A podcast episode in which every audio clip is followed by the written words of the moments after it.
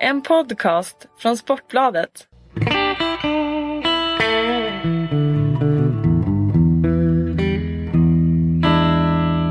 Hej och välkomna då till det 30 avsnittet utav Sportbladets Premier League-podd. 30 avsnitt Erik, det är inte illa. Nej, jag har väl varit med i, vad kan jag ha varit med? En femtedel av dem. Nej, jag tror du har varit med i hälften ungefär. Är det så? Ja, det Oj, jäklar vad jag jobbar. Det förvånar mig när du säger det. Erik- ja, ja, tiden går fort när man har roligt. Och Erik Ni, vad heter du? Vi ska redogöra för ditt namn. Mitt namn är Patrik Syk.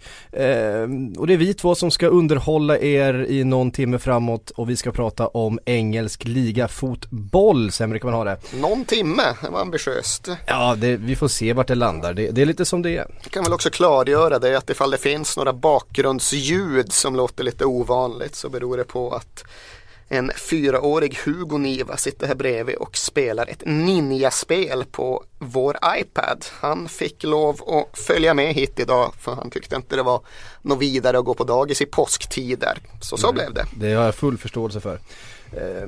Vi ska prata lite allt möjligt i vanlig ordning, svara på massa frågor eh, sådär. Men vi börjar med att prata lite grann extra om Arsenal. Vi eh, har ju gjort det de senaste avsnitten här.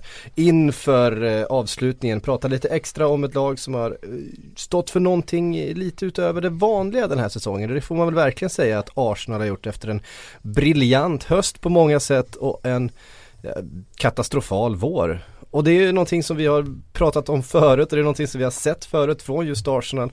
Eh, det här lite märkliga dippen som infaller på våren. Men i slutändan så brukar de ju krångla sig ur eh, strypgreppet och, och, och lösa den där Champions League-platsen förut, eh, till slut. För de har ju faktiskt aldrig under Wenger missat en Champions League-plats. Nej, och de har ju hamnat i snarlika situationer nu ganska många säsonger. Kanske inte i rad men eh, upprepade gånger i alla fall där de har hamnat, försatt sig själva i ett läge där de mer eller mindre måste vinna en hel svit matcher i rad mot slutet av ligasäsongen för att klara fjärdeplatsen. Men som du säger så tenderar de ju att göra det och då är frågan ifall man ska reso- se det som ett tecken på en mental styrka och en inneboende vinnarkultur eller om man ska leta tecken på motsatsen, att det i själva verket handlar om att de inte klarar av att börja spela förrän allt eh, egentligen redan är förlorat. Alla möjligheter att vinna ligatiteln redan har försvunnit. Eh, och där någonstans finns väl också den lite större analysen om huruvida en fjärde plats och en eh, cupfinal ska anses som bra, mycket bra, godkänt eller underkänt för en klubb som Arsenal. För vi behöver inte gå speciellt många veckor tillbaks eh, tills vi faktiskt hittar Arsenal i en, i en titelfight, alltså i en toppstrid verkligen. Eh, till och med på första plats. Men där är man långt ifrån nu. Ja, nej, det är ju bara att konstatera faktum. Ja. Eh, och ja, analysen av varför det har blivit så, det har ju såklart att göra med truppens utformning och eh, den skadebenägenhet som, som den visat sig ha. Eh, och det finns ju såklart också en mental dimension där. Och ja, jag känner väl att jag hamnar tillbaka i ungefär samma resonemang som jag har ägnat. Nu säger att jag har varit med i 15 avsnitt av den här podden. Det känns som att jag har haft samma resonemang i 14 av dem. Eh, att eh, det givetvis är en bit, alltså Arsenals trupp av idag är ju inte en titelvinnande trupp. Det är ju dock inte heller en oduglig trupp och jag ser ju inte scenariot framför mig där om gå tomhänta från säsongen, säger upp samarbetet med Wenger och tar en helt ny riktning. Utan jag tror ju att eh, det kommer eh, fortsätta i ungefär samma kurs. De kommer bli fyra, de kommer förmodligen vinna FA-cupen. De kan därför se tillbaka på en trots allt lyckad säsong och ha möjligheten att eh, bygga vidare. Sen är ju frågan hur man förvaltar det och jag tror väl där i så fall blir den verkligt spännande utvecklingen och analysen. Mm. För vi, vi var ju inne på det här, den här eventuella då fa Cup-segern. Nu är man i final även om det satt långt in eh, i söndags. Så, så har man tagit sig dit och, och att det här då ändå kan, kan få en, en positiv eh, tillbakablick på den här säsongen. Trots allt, mycket skador. Men det har också funnits ett, en hel del utropstecken eh, den här säsongen. Jag tänker på Aaron Ramsey. Jag tänker på eh, Per Mertesacker. Jag tänker på eh, Chesney faktiskt som har tagit det där klivet och man ska komma ihåg att Chesney även om han har, det känns som han har varit med ett tag, han är ung har eh, väldigt, väldigt många år kvar som en eh, toppmålvakt och det är ju ändå saker som man får känna att Arsenal måste ta med sig från den här säsongen. Absolut, och Chesney till att börja med, han dippade ju väldigt mycket under ett par av de föregående säsongerna men det är ju inte annat att vänta av en så pass ung målvakt. Unga målvakter dippar ju alltid och det gäller ju även en Joe Hart eller för den delen Manuel Neuer eller ja, i stort sett vem som helst. Och det är ju något man måste ta sig igenom ifall man ska utvecklas till en världsmålvakt.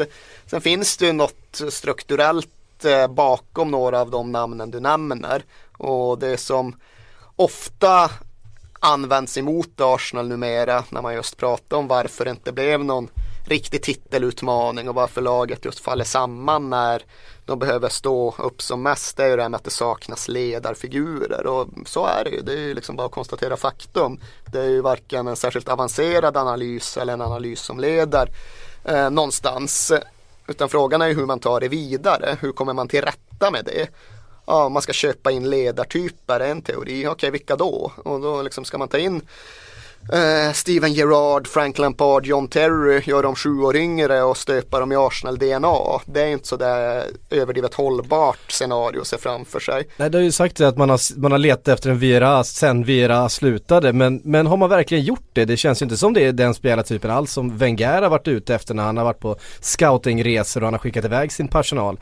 Eh, även att eh, liksom runt omkring vi i media, supportrar har sagt, nej men det, vi skulle behöva få in en Vira så, så, så har vi liksom truppen runt en sån spelare. Jo, och det är ju enkelt också att säga och då kan man ju först och främst undra vilken del av era syftar man på? Syftar man på spelartypen eller ledartypen? Förmodligen gör man väl både och och då liksom vänder jag bara min blick ut över fotbollsvärlden och undrar okej, okay, vem är den spelaren som Arsenal kan ta in i sommar och omedelbart förvandla till en omklädningsrumsledare. För även en Patrik Vera, även en Per Mertesacker som väl är det närmsta vi kommer i dagens trupp tar ju några år på sig. Det går liksom inte att komma från ett annat land, en annan fotbollskultur utan att ha någon liksom hierarkisk position i den brittiska fotbollen, tro att man ska komma in och domdera och kommendera omklädningsrummet. Den typen av short fix tror jag är väldigt svår att få till.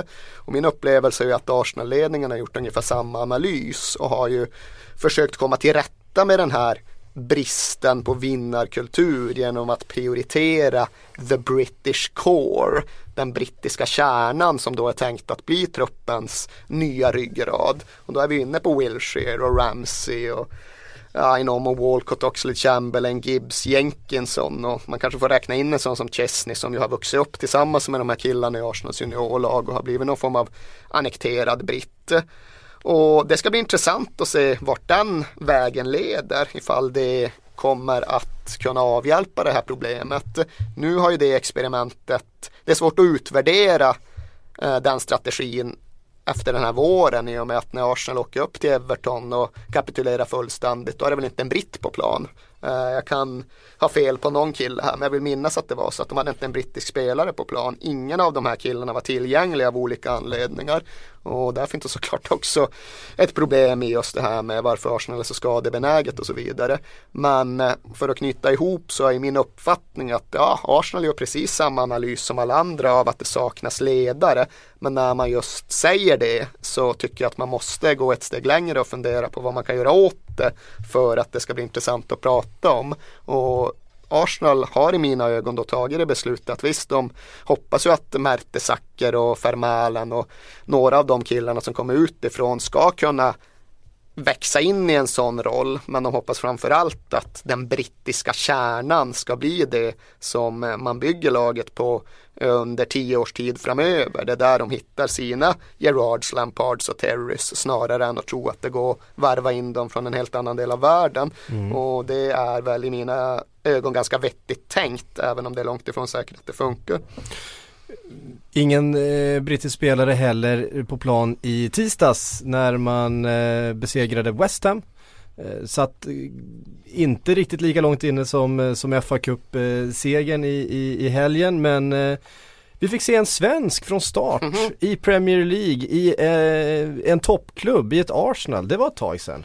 Ja, herrejösses. Nu tänker jag bara Arsenal och det var väl Ja, jag höll på att säga Stefan Schwarz, det var det såklart inte. Det var Ljungberg, det var Sebastian Larsson, det var Kristoffer Olsson däremellan. eh, men det kändes mest naturligt att relatera till Schwarz av någon anledning. Eh, ja, för Seb gjorde, gjorde några, några matcher från start va? Som så... vänsterback. Ja, jag var och såg en på plats på gamla Highbury. De mötte Ajax i en Champions League-match. Jag tar med 17 för mig att det blev 0-0. Eh, det var någon av de första matcherna som han gjorde i Arsenal och nu är vi, vad kan det här vara, 2005 skulle jag säga att det är, hösten 2005. Mm. Eh, vad, vad, ger du för, vad ger du Kim för betyg? Han fick väldigt blandade betyg i, i engelsk press. Eh, liksom så här, frågan är väl någonstans här, kan han spela till sig ett Premier League-kontrakt? Han är ju där på lån. Ja, han låg väl i skarven mellan 2 och 3 plus någonstans. Det tycker jag väl är den eh, sansade utvärderingen. Och han eh, visade ju upp sig som den spelare han är nu för tiden. Han visade sig upp sig som den Kim Källström eh, vi ser i det svenska landslaget eh, och eh, ja, ifall man hade väntat sig något annat så vet jag inte riktigt vad man hade sett framför sig. Det var ju spelblicken, det var passningsfoten, det var liksom den breda passningsrepertoaren. Men det var ju också en viss liksom tröghet och lite långsamma fötter i vissa han situationer. Han är inte snabb, det, det kan han Nej. inte anklagas för. Och det kan ingen ha väntat sig heller Nej. när han nu kom dit. Men det han kan bidra. Han var inte snabb som 18-åring heller om vi ska vara riktigt ärliga och nu är han 32. Ja, nej det har ju liksom varit det som han har varit tvungen att kompensera för genom hela sin karriär. Han är ju naturligtvis väldigt väl medveten om det här själv. Han var ju tvungen att anpassa sitt spel efter det genom hela sin seniortid så det är inget han är ovan vid. Men om Kim Källström ska hitta sin plats i Arsenals trupp inför nästa säsong då handlar det ju om att eh, visa värdet av ett lite längre passningsspel. För det är ju han, det, är det han kan som inte Flamini eller Arteta eller för den delen Oxlade Chamberlain egentligen behärskar. Det är den långa öppnande passningen. Och nu har ju Wenger börjat, eh, börjat eh, laborera lite med grundspelet i det här skedet av säsongen. Delvis av någon form av desperat, eh, desperation av att han är nödd och tvungen. Och liksom börja med börja resonera kring två centrala anfallare i vissa skeden och så vidare. Och det är klart att eh, gör man det och öppnar upp lite grann för en annan typ av passningsspel då har ju Kim Källström absolut möjligheten att bevisa värdet av det. För där har ju han en kvalitet som ingen av Arsenals andra innermittfältare riktigt har på samma sätt. Nej. Man spelar ju för en Champions League-plats här. Det såg, eh, det var ganska dystra miner efter förlusten mot, eh, mot Everton förstås. Eh, där man ju liksom tappade sin hand eh, i det man brukar säga. Nu pratar man ju liksom om man vinner resten av alla matcher på säsongen. Vilket ju är, är ganska löjligt att göra egentligen för i det skedet då, liksom fem matcher kvar, att sy ihop fem raka segrar i ett Premier League eh, det är ganska sällsynt faktiskt. Ja, det skulle aldrig falla mig in och skrävla om mitt tippande eftersom att det är eh, något jag dels drar mig för att göra överhuvudtaget. Jag liksom ser inte något större värde i att sitta och spekulera i slutresultat och sluttabeller. Det, finns, det blir bara gissningar i nio fall av tio. Men just vad gäller Arsenal och deras förmåga att klara en Champions League-plats så är jag ganska orubblig och det var jag även efter Everton-förlusten. Jag satt och sa att nej, men jag tror verkligen att Arsenal reder ut det här och tar fjärdeplatsen. Och det gör jag väl luttrad av någon form av säsongslutsvana eh, där Tottenham har varit inblandad ganska många gånger. Men jag gör det också utifrån en uppriktig övertygelse. Jag tror att Arsenal krånglar sig ur det där. Jag tror de blir fyra, jag tror de vinner FA-cupen eh, och då är ju sommarläget ett helt annat än än det har varit under några veckor här på slutet och det har blåst väldigt snålt och det är mer eller mindre liksom förutsatts att nu måste Wenger kliva av självmant. Jag ser inte framför mig. Nej. Och man fick eh, ganska god hjälp på vägen utav Crystal Palace med en Tony Pulis som vi har hyllat flera gånger här i podden. Och det är liksom hyllningarna måste på något sätt fortsätta när han, när han, när han tar det här laget som var så, som var så uträknat. Eh, och slår eh, Crystal Palace, eller han slår Everton, han har eh, spelat jämt mot i stort sett alla lag och vunnit eh, hur mycket som helst och tagit verkligen laget ur. Och man kan faktiskt vara helt safe Eh, med en eller två segrar till på de här så är man eh, säker från att bli relegerad från tabellen. Vad säger vi om det här Crystal Palace? Är liksom, finns, finns det begränsningen? När, när ska de inse sin egen begränsning? De känns som en humla som flyger fast han inte kan. Ja, det är ju för. Tony Pulis har ju en tabellrad i Premier League och nu ska jag inte försöka återge den exakt eftersom att jag inte är i närheten av att kunna det. Men det är ju typ 11, 12, 14, 12, 11 eller något i den stilen.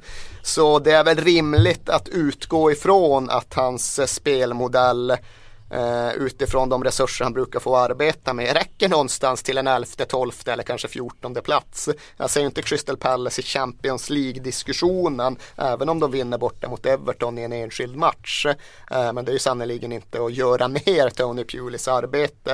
Uh, det är väl bara att konstatera att realiteterna, inte minst de ekonomiska realiteterna, ser alltjämt ändå ut så i Premier League att det är väldigt svårt att ta klivet från en nedflyttningsstrid till en eh, kamp om Europaplatserna. Sen är det väl i och för sig också så att det var ju det som någonstans blev argumentet mot honom i Stoke till sist. Att ja, ja, jättebra på att staga upp lag, på att undvika nedflyttningsstrider, på att etablera klubben i Premier League. Men det blev ju aldrig något nästa steg.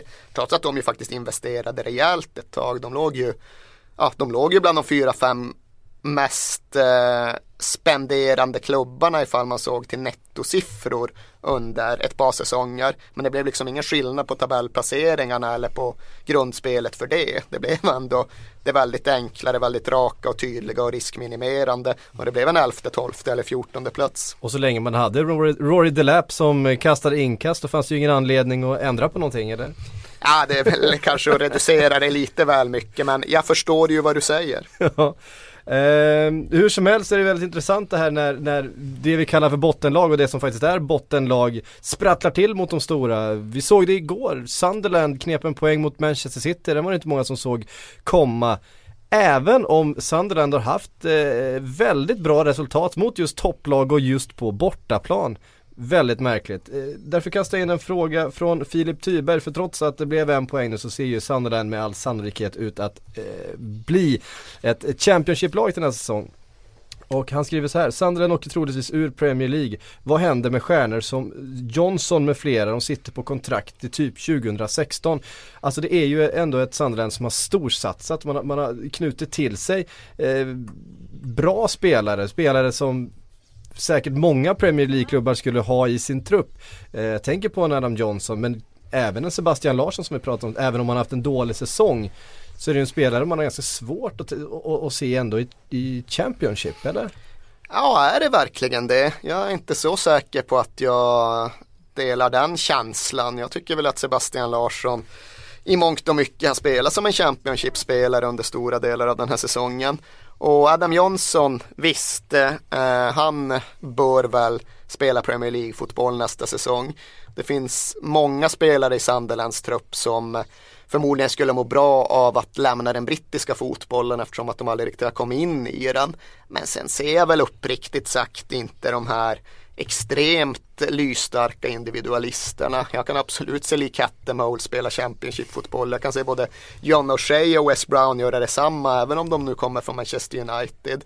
Jag, nej, jag kan ju inte liksom, jag kan inte titta på Sunderland och se en fyndmarknad för Premier League-klubbar med ambitioner. Så bra är inte den där truppen individuellt sett heller. Mm. Eh, Connor Wickham två mål. Den här supertalangen köptes mm. väl in från Ipswich va för en, för en hiskelig massa pengar. Sådär 17 år gammal britt, typisk. kan det vara 10-12 miljoner pund?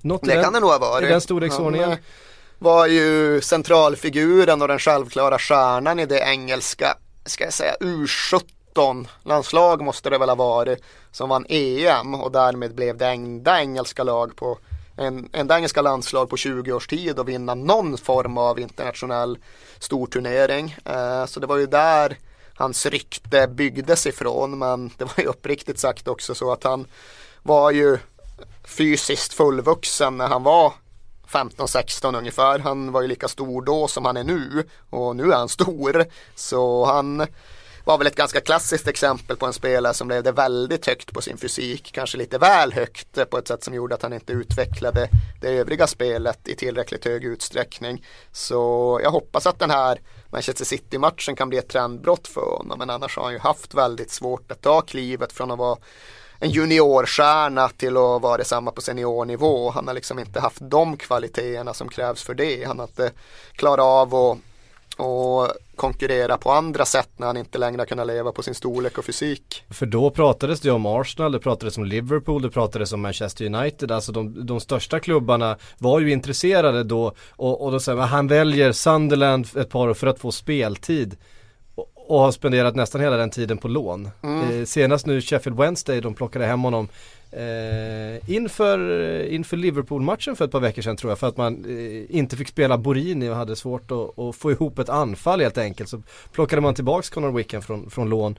Eh, och succé igår då med, ja, med två mål mot Manchester City. Det finns väl både en individuell och en kollektiv analys att göra här, i alla fall en individuell och en generell. Och den individuella av Wickham den har vi väl redan betat av i väldigt grova drag. Men den generella den handlar ju om hur svårt det är för engelska tonåringar att få spela Premier League-fotboll. Det finns ett jättehinder när man just ska ta klivet från juniorlagen upp i seniorfotbollen. Eftersom att Premier League-nivån är så hög och klubbarna är så ängsliga att de vågar liksom inte ödsla Eh, några säsonger på att utveckla och utbilda unga spelare, att hjälpa dem att ta klivet. Så är man inte Wayne Rooney eller Jack Wilshere, jag höll på att säga även om man är Jack Wilshere, så måste man ju numera ta klivet ner från ja, Premier Leagues toppklubbar definitivt, men kanske från Premier League-klubbarna totalt sett för att eh, få den där speltiden som man verkligen, verkligen behöver för att bli en bra seniorspelare. Åren mellan 17, 18 och 2021, Det är kanske de viktigaste i en fotbollsspelares karriär och det finns ju alldeles för många brittiska spelare som helt tappar de åren i och med att de fastnar i reservlag under den tiden. Eh, Wickham är väl delvis drabbad av det även om jag tror att just hans specifika fall handlar mycket om eh, hur han såg på sin egen utveckling och vilka förutsättningar han hade. Det söker oss lite grann in på också en rubrik från veckan där eh, Berahino från West Bromwich eh, blev fotograferad när han tog någonting som de kallades för Happy Crack på mm. en nattklubb. Jag noterade eh, det. En, eh, en stor talang förstås. Men där eh, lägger man också en, en, dimension till på de här för de blir ju väldigt stora stjärnor i England och de får väldigt mycket uppmärksamhet och de blir ganska omhuldade utav supportrar utav media. Eh, hur mycket spelar det in att det, liksom, det öppnas upp så väldigt mycket mycket som inte har med fotbollen att göra men som har med stjärnstatus och kändisfester och, och, och hela den eh, problematiken. Om man jämför då kanske med, med hur det är för en, för en 18-19-årig allsvensk spelare. Ja det spelar det är ju en, en uh, fullständigt uh ja, skillnaden är ju total verkligen. För... Vi, vi såg Sterling förra säsongen hade ju stora problem vid sidan av fotbollen. Ja, men det är ju så, alltså det som händer i Storbritannien, i England, det är ju att spelarna, talangerna i allra högsta grad, i allra liksom, största utsträckning fortfarande kommer från eh, fattiga knegarkvarter. Det är ju arbetarungar som eh, blir fotbollsspelare i England medan de i Sverige kommer från trygg folkhemsmiljö i betydligt högre utsträckning. Och när man sen tas från den miljön, från den tajta, sammanslutna ganska snäva uppväxtmiljön och de knappa resurserna som rådde där och sen placeras in i ett eh, helt gränslöst sammanhang över en natt när man skriver på sitt första proffskontrakt och blir ekonomiskt oberoende för resten av livet. Alltså det är klart att den förändringen vrider om huvudena på väldigt många tonåringar för det är ju unga killar det handlar om. De är inte färdigutvecklade, de är inte mogna utan de får ju alldeles för mycket alldeles för tidigt och de eh, sätts i en situation där de får byta värld verkligen över bara en eller ett par nätter. Så det är ju en eh, jättestor sak för den engelska fotbollen att försöka hantera och så här långt har den inte lyckats sådär jättebra med det. Även om jag vet att arbetet har intensifierats mycket under senare år. Mm. På rak arm, vem, vem, skulle du säga är den största talangen som liksom har gått förlorad till, till den eh, sidan utav eh, fotbollsmannaskapet och kändisskapet som följer? Oj, det är alltid sådana här top of head grejer. Är, Sådana gillar vi. Ja, men de är svåra som fan Ja. för man kommer aldrig på eh, de man borde kunna komma på. Eh, alltså de flesta, de, det är ju de man verkligen, ja, men, ta en sån som Michael Johnson, det är just bara top of Precis. head grejen eftersom att eh, han var aktuell tidigare under säsongen. Eh, det är väl ett väldigt specifikt exempel för han gick ju verkligen från att ha alla förutsättningar till att inte bli någonting alls. Sen finns det ju en oerhörd rad massa spelare som har haft alla förutsättningar och blivit någonting sådär lite halvlyckat och halvdant. Och den killen man sätter den etiketteringen på i nuvarande Premier League fotbollssammanhang det är väl eh, Revel Morrison eh, som ju verkligen har talangen, han har möjligheterna men han har också den här problematiken. Kommer från The Council Estate i Manchester och ska med ena foten försöka vara kvar där och behålla kontakten med sin uppväxtmiljö och med andra foten så kan han segla iväg precis vart han vill och han har ju haft oerhört svårt att få balans i det där. Mm. Vi eh, ska förstås eh, ta en liten, ti- en, li- en liten eh, titt på tabellen senare men jag tycker vi, vi lämnar det just nu och så tar vi lite frågor för vi har fått så många fantastiska frågor. Vi börjar med en som, som inte alls har med det här att göra och den, den är riktad Det är bra, jag gillar det som inte har något med något att göra. Det som Ja. är knutet till ligaomgången och serietabellen, det, det kan man avhandla i andra sammanhang. Här vill jag ha random thoughts nu and får, prayers. nu får du någonting random. Ja, här det är ha. specifikt till dig tror jag. Ja. Eh, hur många matcher i snitt ser ni per vecka? Så, och som relaterad följdfråga, har ni fungerande familjeliv? Vilka är vi? Eh, ja, den är skickad till dig och mig men Okej. eh, jag tror att folk utgår från att du ser mer fotboll än vad jag gör. Jag tror att Kall, Kalle och du är väl en, en mer rimlig jämförelse. Ja, det vet jag faktiskt inte eftersom att jag inte vet. eh, Han ser otroligt mycket fotboll ska sägas, han, han ser det mesta. Ja, det gör inte jag. Jag märker ju att, jag, eh, att folk blir förvånade av att jag inte ser mer fotboll. Men det jag gör det är ju att jag ser, väl, jag ser delar av väldigt många matcher. Men jag ser rätt få 90 minuters matcher. Jag ser väl, ja, vet jag, jag ser kanske fyra 90 minuters matcher på en vecka. Eller ja, det beror lite på ifrån om jag jobbar en lördag så ser jag ju ett par bara där. Ja, men jag ser fyra, fem 90 minuters matcher på en vecka inklusive jobb. Eh, därutöver ser jag delar av ytterligare ett tiotal. Jag ser tio minuter, en kvart, eh, kollar hur lagen ställer upp, hur de spelar.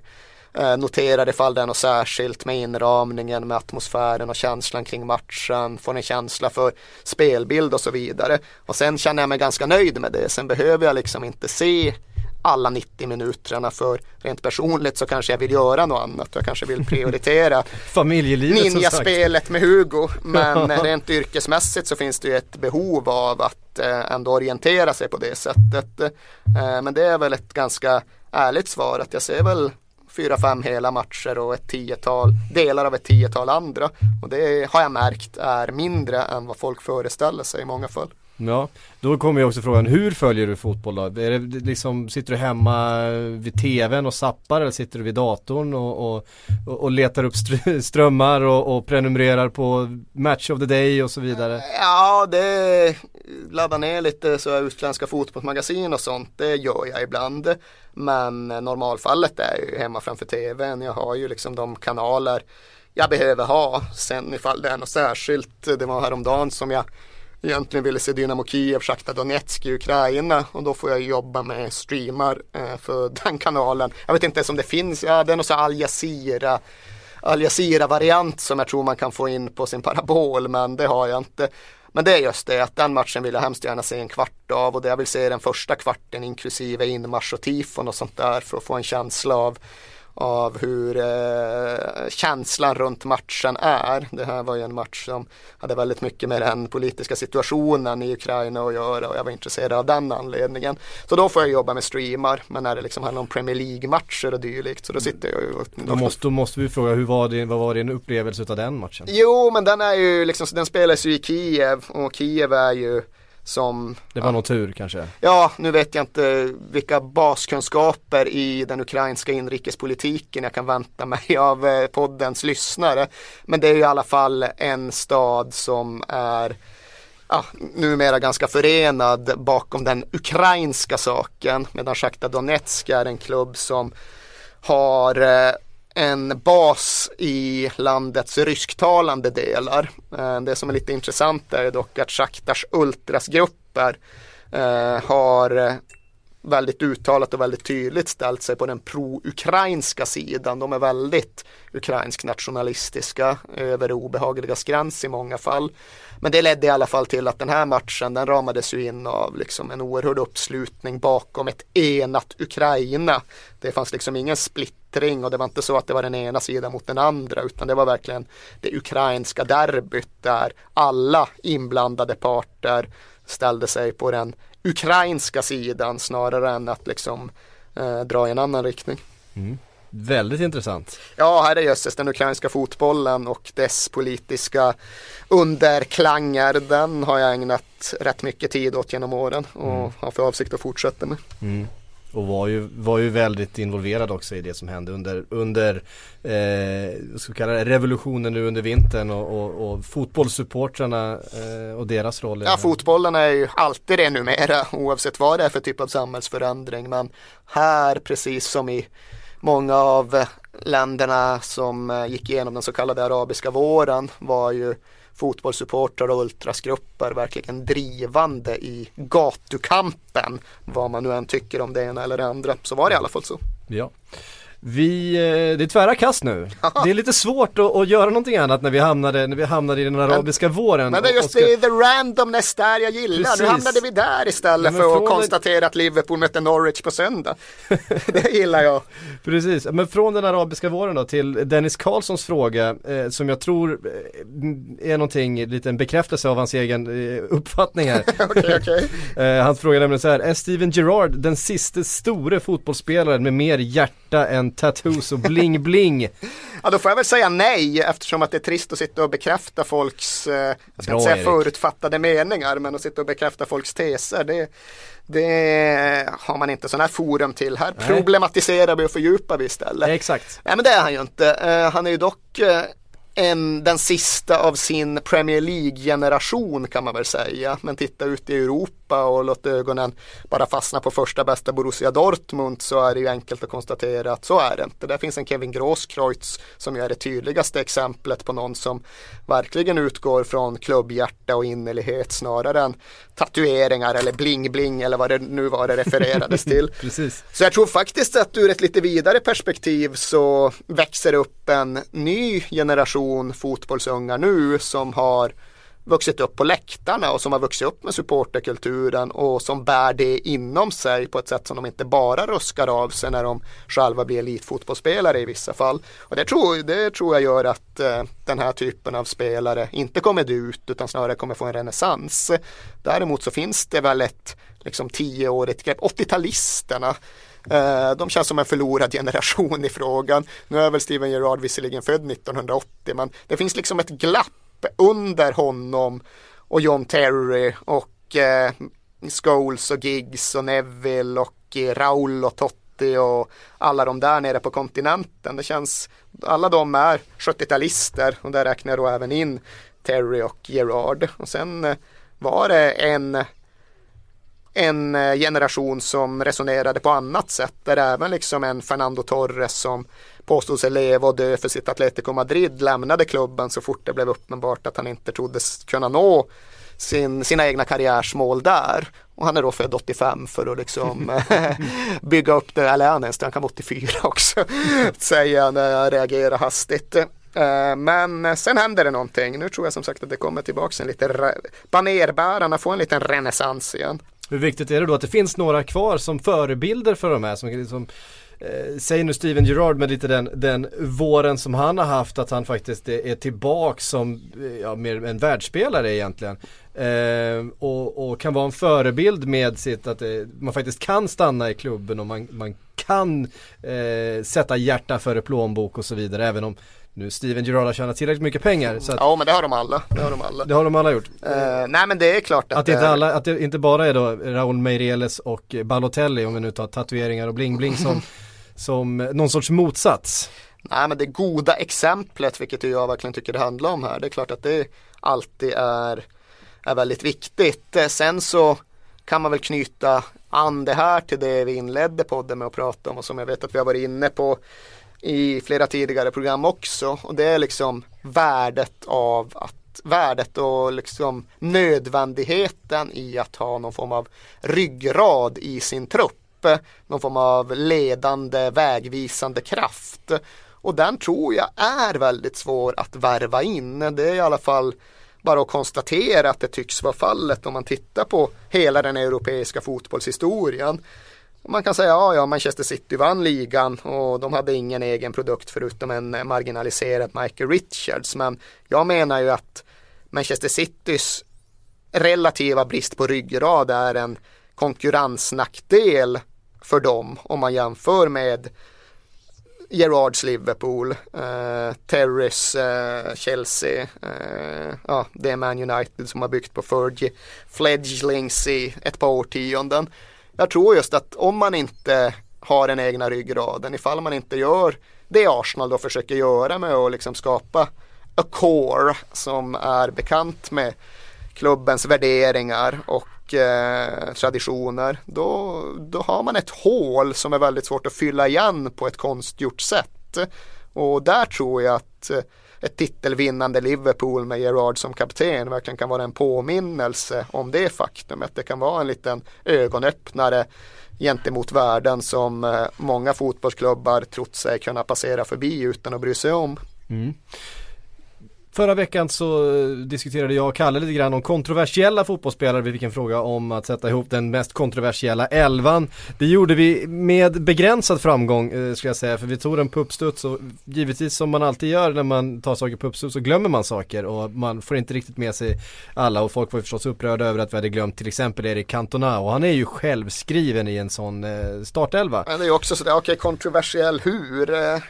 I liksom... Egentligen på vilket sätt som helst. Både, vi, vi, jag tror det var lite upp till oss att, att, att, ta ut en elva som vi gillade utifrån deras eh, kontroversiella mm, stil på något sätt. Alltså även utanför planen, på planen. Um, som sagt vi hade en Duncan Ferguson uppe på topp som ju var minst sagt kontroversiell. Uh, främst utanför planen kanske men även på med sin ganska brutala spelstil. Ja, nej det blir liksom, jag tror att, ja, nu har jag inte ens hört vad ni har för elva så nu föregår jag ju er verkligen men jag tror att man kanske, ja alltså ska man gå till någon form av ursprunglig bokstavlig betydelse då blir det ju en elva där man måste ha med bara liksom de här Luis Suarez och John Terry typerna för att det är de som har väckt mest eh, det är väl egentligen de som har väckt mest känslor och inte, inte för sitt fotbollskunnande kanske utan Ja, uh, men det är liksom då kommer man ju bort från de här liksom bohemerna eller spelarna som mest bara missköter sig. Man kommer bort från Niklas Bentner-typen eftersom att så jäkla många är det inte som bryr sig så jäkla mycket om Niklas Bentner. Det är betydligt fler som bryr sig ohyggligt mycket mer om Luis Suarez som ju egentligen aldrig har gjort en fluga för nära utanför sidlinjerna utan som bara är kontroversiell under matchens 93 minuter. Så jag tror att det kan bli lite flytande där men om man just ska utgå från någon form av bokstavlig okay. betydelse då blir det liksom, ja, men då måste det bli Suarez och Cantona på topp även om en sån som Rooney ska ju också vara där och i England så blir ju alltid engelska spelare mer kontroversiella, liksom ska Gassa vara med, det, det är en definitionsfråga. Det kan man ja, vad hade ni för elva då? Ja, jag, jag, jag trodde faktiskt jag hade den här men jag har lyckats radera den från pappret jag hade framför det är bra, mig. förstör vi, alla bevis. Ja, så att vi, eh, men vi har fått en fråga som är, ganska angränsande. Vi har fått en väldigt svår fråga. Okay. Eh, och en väldigt omfattande, men vi kan väl försöka ge Erik Axelsson som har ställt den eh, lite socker i alla fall. Han har ställt den direkt till dig, han skriver så här, Niva, ge mig Joey Bartons livshistoria.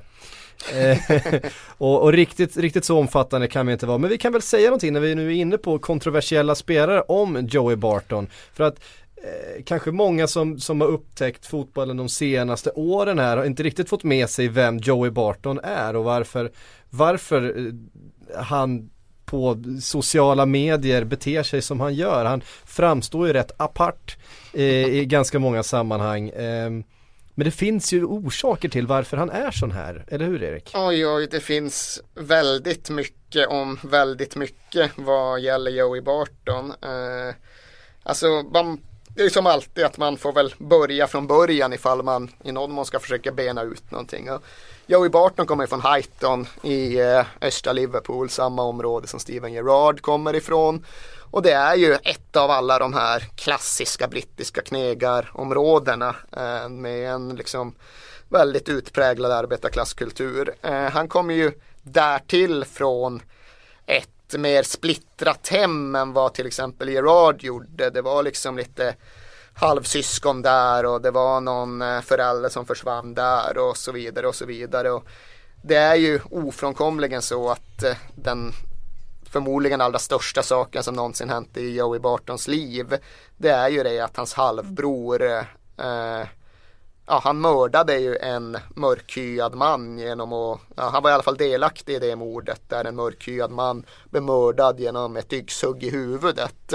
Och eh, det är klart att den händelsen eh, säger någonting om var Joey Barton kommer ifrån men säger framförallt väldigt mycket om vad han sen har fått gå igenom. Eh, om man ändå isolera den lite grann och gå på hans eget liv och hans egen karriär. Man säga att han är, han är dömd då, eh, halvbrorsan till livstidsfängelse. Ja, så, så är det väl. Han var ju på rymmen ett tag och Joey Barton fick gå ut och liksom vädja att nej men ge upp liksom, lämna in det själv. Det här kommer aldrig sluta väl hur du än försöker fly från det. Eh, och så blev det. Men sen var det ju också så att det var ju uppenbart redan när Joey Barton kom fram att det här var ju också en arg ung man med väldigt stora problem att kontrollera den där ilskan. Han eh, klarade överhuvudtaget inte av att behärska sitt temperament utan hans stubin var ju kanske den kortaste i den brittiska proffsfotbollens historia vilket inte säger lite. Och det gjorde ju att han hamnade i alla de här bizarra situationerna där eh, liksom det hade där han eh, vis av någon form av gammal gatuerfarenhet hade tagit till nävarna innan han hade låtit hjärnan tänka klart. Så därför blev det ju den där fimpade cigaretten i ögat på en ungdomsspelare i ett barbråk under tiden i Man City. Och det blev det där slagsmålet med någon Everton-supporter var det väl någonstans borta i Asien. Och det blev det där slagsmålet med den egna lagkamraten på Man City-träningen. Och det blev det där bråket i Liverpool-natten som till slut faktiskt ledde till en fängelsedom och en faktisk fängelsetid i det mytomspunna Strange Ways-fängelset även för Joey Barton. Så det är ju allt... Och det här är ju alltså inte före karriären utan det här är ju när han faktiskt spelar för Manchester City. Ja, ja. Mitt, mitt, under brinnande Premier League. Premier League-karriär, absolut. Ja. Och det är inte just så länge sedan men det är någonstans det han gick igenom och det var där han kom ifrån och det var han hade med sig. Men i anslutning till allt det som hände så sökte han ju och fick hjälp och började just gå i behandling för sina ilskerelaterade problem och började ransaka sig själv och utvärdera sig själv och försöka bli en bättre människa. Och någonstans längs den vägen blev det väl också en del Nietzsche och en del livsfilosofi och en del renässanstankar om tillvaron. Men det må väl vara hänt. Jag har ju faktiskt ändå uppfattningen av att Joey Barton är en mycket mer eh, välbalanserad människa idag än han var för 5-10 år sedan. Och det säger jag även om jag kommer ihåg hans utvisning i den där Man City QPR-matchen. Och sen är det väldigt, liksom, det är intressant att fundera på om fotbollssporten har hjälpt eller förstört för Joey Barton. För jag tror verkligen att han var en av alla de här unga talangerna som fick för mycket för snabbt och som togs från en uppväxtmiljö och försattes i en helt annan situation och inte alls kunde hantera det och inte heller fick någon vidare hjälp att hantera det och på så vis eh, blev liksom ja, ett offer för fotbollsmonstret snarare än någonting annat. Sen måste jag väl ändå säga att jag väger kanske numera över åt den andra sidan för fotbollen har blivit bättre. Det finns eh, förståelse och det finns eh, hjälp att få för den här typen av problem på ett sätt som det inte gjorde tidigare. Och där känner jag väl att Joey Barton kan vara ett ganska gott exempel på en ung, förvirrad, itusliten kille som har vuxit upp till att bli en visserligen alltjämt kontroversiell men ändå någorlunda välbalanserad man. Och där jag, ja, i slutändan när allting kommer kring vill tro att fotbollen faktiskt har hjälpt till snarare än den har förstört för honom. Mm. Eh, och faktiskt en väldigt begåvad fotbollsspelare någonstans där under allt annat. Eh, ja, han, sen...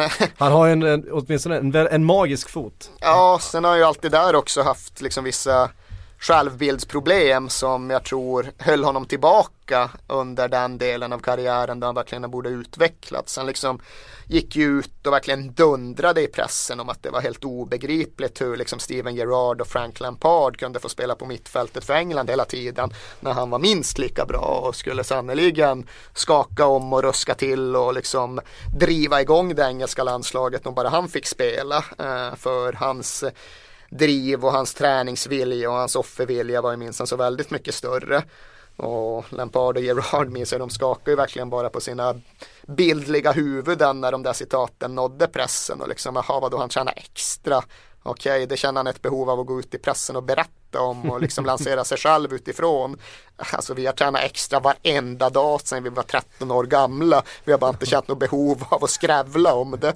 Och där tror jag att Gerard och Lampard hade betydligt större fog för sina ord än vad Barton hade för sina. Ja, så var det. Dessutom så har den här Liverpool-väcket i pannan som vi varit inne på. Ja, exakt. Det, det, ja, det, det, det, det, är det, det är det man har, man kommer där från östra Liverpool, då får man väcket i pannan och en bra fot. Ja, om man kommer från västra får man bara väcket, är det det du vill säga? ja, kanske. David. Nugent ska ju upp och spela Premier League-fotboll nu igen, han är väl också från Highton, också väcket i pannan, ser väldigt mycket ut som man gör i Precis. våran eh, Liverpool-värld. Och hans fot är väl också okej okay, så det ska bli kul att få ytterligare en Highton-kille in där. Jag ska ta reda på det där med, med östra och västra eh, Liverpool för det, det är väl så att Tranmere är väl egentligen ursprungligen från eh, Birkshead va? Birkenhead, I, eh, Birkenhead i västra Liverpool då. Så ska se om det finns någon, någon genetisk skillnad. Ja, alltså nu måste jag börja tänka. Det här, nej, men nu, det här gillar det är randomness gillar jag. För då kommer man ner Toxteth, Robbie Fowler får man ju ändå säga det är rätt bra vänsterfot och Toxteth ligger ju nere vid vattnet. Ja, så det får man ju säga är västra Liverpool. Faktiskt, eh, man, man, skulle tro att det ligger nära Croxteth då där Rooney kommer ifrån. Ja, men... Croxteth är ju norr om centrum och Toxteth är ju snarare söder om ja. centrum. Men Croxteth är väl nu ska jag vara lite varsam så att jag inte går bort det är slaglina här. Jag skulle väl ändå säga att det är mer västra än östra Liverpool även om Croxteth inte är. Det är inte sjönära direkt Nej, Croxteth, det, det, kan man inte påstå. Sen är det ju upp mot... Ja, det är ganska centralt. Ja, det är det det är det Inne city, alltså Liverpool är ju ganska litet ändå. Highton är ju remote. Ja, Highton är, är ju verkligen utkanten av Liverpool. Sen har vi Bootel och allt det som Carragher kommer ifrån. Det är också vid vattnet. Så jag vet inte hur vi ska värdera Carraghers doja han har, han, ja, hans fot.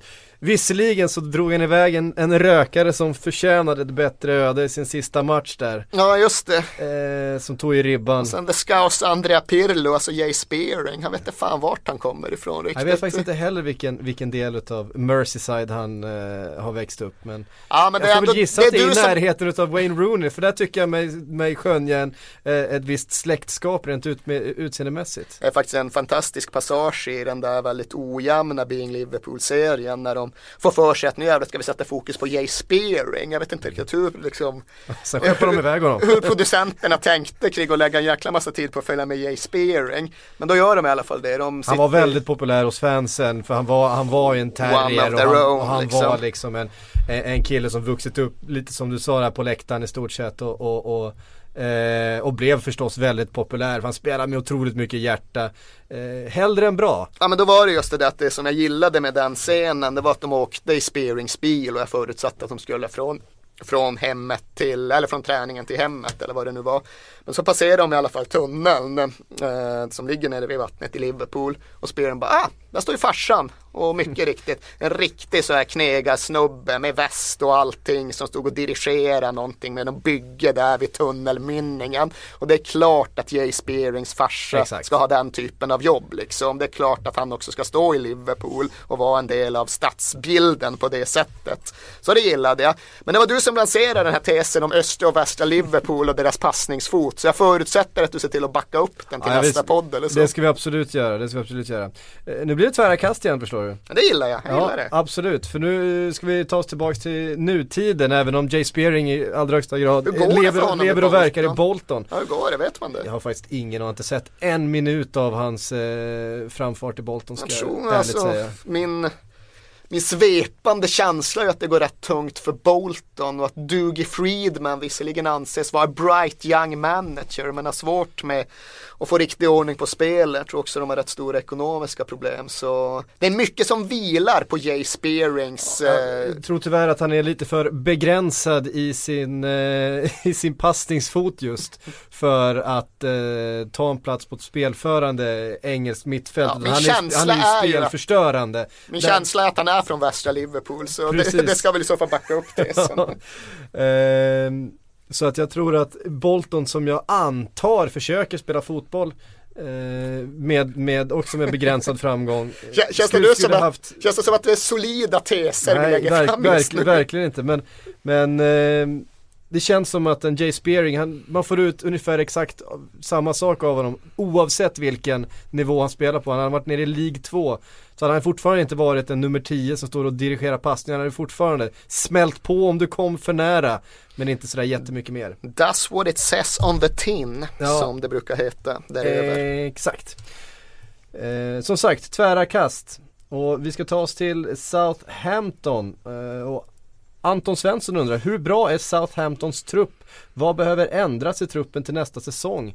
Och där är det intressant för de har ju en, en trupp av en jäkla massa utropstecken som man har blivit till en massa frågetecken nu som man inte vet hur många som kommer stanna kvar. Eh, Luke Shaw blir väldigt svår att hålla i för ett lag som Southampton, det kan vi slå fast. Ja, och det är ju verkligen mot den där bakgrunden att jag tror att han känner innerligt för Southampton. Jag tror inte han har någon brådska att lämna den klubben. Han sätter ju bevisligen värde på att spela tillsammans med flera av sina barndomskompisar i Premier League. Men det är klart att det det talas om nu, 30 miljoner pund ungefär från Manchester United, det blir svårt för både Southampton och Luke Shaw att eh, säga nej till. Men det jag tror är avgörande för klubben, mer avgörande än den liksom enskilda ytterbacken, det är ju deras möjligheter att bevara den här ryggraden som jag återkommer till, the British core för att prata Arsenal-språk. För ja, blir det så att Shaw försvinner så är ju det ett stort avbrott, avbräck. Men det får ju inte bli så att Shaw försvinner och Lalana försvinner och Jay Rodriguez ska vara borta en och ett halvår på grund av sitt korsband och Ricky Lambert kanske börjar fejda ut lite grann. Östra eller västra Liverpool förresten? Ricky Lambert, vart fan är han Helt ifrån? okej den fot, han skulle kunna vara Ja, från bra centrala. vänsterfot, bra vänsterfot. Nej, jag vet faktiskt inte var Ricky Lambert kommer ifrån, det får jag bara enkelt erkänna. Men jag kan ju i och för sig göra en snabb googling. Ja, Medan du googlar då så eh, konstaterar vi att, att det viktigaste för eh, Southampton just nu är att försöka behålla så många som möjligt. Av Cut- de som cut- har varit med på the losses. resan. Ja, exakt, av de som har varit med på resan. För det är klart att man kan konstatera att ja, när inte Dejan Lovren och José Fonte har spelat på topp så blir laget väldigt mycket mer sårbart och då kan man ju säga att ja, då är det viktigaste att Lovren inte försvinner och att man kanske värvar in ytterligare en mittback och ja, i smått så är det det men i stort så tror jag verkligen att eh, att eh, den där kärnan, den där ryggraden är det viktigaste. Ja, Lambert kommer från Kirby. Ja, ja. Och det är ju, ja det är ju varken eller egentligen. Det är väl mer väst än öst, men det är väl framförallt norra Liverpool. Det är väl inte så jävla långt från inte, Croxteth. det, det är väl inte, inte sjönära heller va? Nej det är det inte, alltså det ligger ju inte vid vattnet. Nej. Så, ja. Nej men det är just det, det är, det är precis, man förbi, förbi Goodison Park och en eh, några kilometer till norrut va? Fan, jag gillar att vi ägnar minst en fjärdedel av den här podden åt liksom, geografi. Ja, eftersom att jag har noterat att det finns folk som tycker att du styr in alldeles för många samtal på trivialiteter som rör Liverpool så ser jag fram emot responsen Ja, på de segmenten. Det var faktiskt inte jag. Jo, det var du bästa och västra Liverpool. Det var det som eh, aktiverade hela Det var det som aktiverade, ja. Jag ber så hemskt mycket om ursäkt om någon har blivit, om någon är upprörd över detta. Det är jag helt övertygad om att någon är. Samtidigt så fick jag ju så fick jag väldigt mycket skit för att jag pratade för lite Liverpool eh, häromveckan när vi skulle prata Liverpool så att man kan aldrig riktigt vinna. Välkommen till den nya medievärlden. Precis. Eh, vi ska ta ett par eh, lite snabbfrågor innan vi knyter ihop säcken. Eh, och vi börjar med, nu ska vi se vem det var den frågan kom ifrån. Eh, för nu fick jag upp en varningsruta på min dator som man får ibland. Eh, det är alltid, Det är alltså varning för personen som har ställt frågan. alltid lika obehagligt. Eh, Filip Tyberg är det. Han ska man akta sig för säger du. Tydligen, Eller säger din tydligen, ja. Eh, Conor Wickham eller Harry Kane, vem blir bäst? Eh, ja, bra fråga. Svår fråga att svara tvärsäkert på. De har ju båda sina uppenbara brister och förtjänster. Wickhams eh, brist är ju den vi har varit inne på att han har svårt att ställa om till ett spel där han inte bara kan leva på sin fysik. Kane lider ju dessvärre av en fundamental brist på, på snabbhet. Eh, så svaret är väl till att börja med att ingen av dem kommer bli sådär extremt bra. Men jag vill väl ändå tro att Harry Kane faktiskt blir lite bättre. För han har någonting. Han har ju den där X-faktorn som lite påminner om den som Teddy Sheringham hade. Jag tror absolut inte han blir så bra. Men han liksom är skicklig med boll och han har framförallt en blick som inte bara är relaterad till vad han ska göra med bollen utan också är knuten till vilka öppningar och vilka ytor som öppnar sig runt straffområdet. Så jag är lite mer nyfiken på vad som händer med Harry Kane. Det känns som att det finns något någon lite, lite mer spännande potential där än det gör i Wickham som jag tror blir en helt okej power forward på Premier League nivå men varken så mycket mer än så mycket mindre. Mm. Sista frågan, Malik Mugula. Han har ställt en ganska långt formulerad fråga men vi kan knyta ihop det till det här. Vad har egentligen hänt med Lamela? Vart är han? Ja, det har ju setts upp, det har ju blivit så här viralt uppmärksammat under veckan att det börjar cirkulera sådana efterlysningsskyltar som har liksom fast, satts fast på Har du sett denna lyktstolpar. pojken? Har du sett denna bortsprungna hund liksom? Det är den typen av lappar som har satts upp i norra London. Ja men det hade också liksom, det, hade, ja, det, det här är nya tidens journalistik. Det hade också liksom publicerats någon liten Instagram-snutt där någon av Lamelas polare hade filmat honom där han stod och jonglerade med bollen. Vilket då i alla fall skulle vara en indikation på att På att han faktiskt existerar? han både existerar, förblir vid liv och faktiskt kan röra vid en fotboll. Nej men så vitt jag vet eh, på allvar så är han väl tillbaka i London efter en tid hemma i Argentina efter rehabtid där och är liksom nu ändå på träningsanläggningen och mycket håller på att öka tempot i sin rehabilitering och hans sikte ligger ju på VM. Han hoppas ju fortfarande få en plats i VM-truppen på gamla meriter snarare än på säsongens misslyckande. Så han håller ju på att liksom bygga sin, eh, sin fysik eh, gentemot en sån deadline. Så jag tror att det är faktiskt ett ganska enkelt svar på frågan att han är i trakten av Tottenhams träningsanläggning. Sen vad som har hänt med honom både spelmässigt och fysiskt är en betydligt svårare fråga att svara på. Ja, det är kanske ingen som vet. Alltså den här fysik. Tim, Tim Sherwood tror jag inte vet. Nej, Tim Sherwood, det är mycket som inte Tim Sherwood har klart för sig i och för sig. Men det var verkligen så att den skada han först påstods ha, den övergick ju sen i någon mycket mer diffus ryggskada efter en månad eller så. För den första skadan nu var ju bara en ganska traditionell fotbollsskada som skulle ta fem, sex veckor eller någonting. Sen skulle han vara tillbaka i spel. Och sen gled som sagt han över den här mer diffusa ryggskadan. Och ja, vad, som, vad som ligger bakom, om det ligger något skumt bakom, det vet jag inte. Nej. Det får bli våra avslutande tankar och ord eh, denna torsdag och detta 30 det är nästan ett jubileum, eh, avsnitt utav Sportbladets Premier League-podd. Vi är tillbaks nästa vecka till dess. Kan ni i vanlig ordning eh, prata med oss på Twitter via hashtag Sportbladets PLP även om du konsekvent undviker hashtags fortfarande va? Jajamensan. Jag har gjort några snedsteg eh, men de ska inte bli fler. Nej, jag, jag skulle vilja säga att det hedrar dig men det tycker jag verkligen inte att det gör. All tjurig, gubbig envishet tycker jag klär mig. Ja det kanske den gör. Tills vi hörs nästa vecka, ha det gott, hej!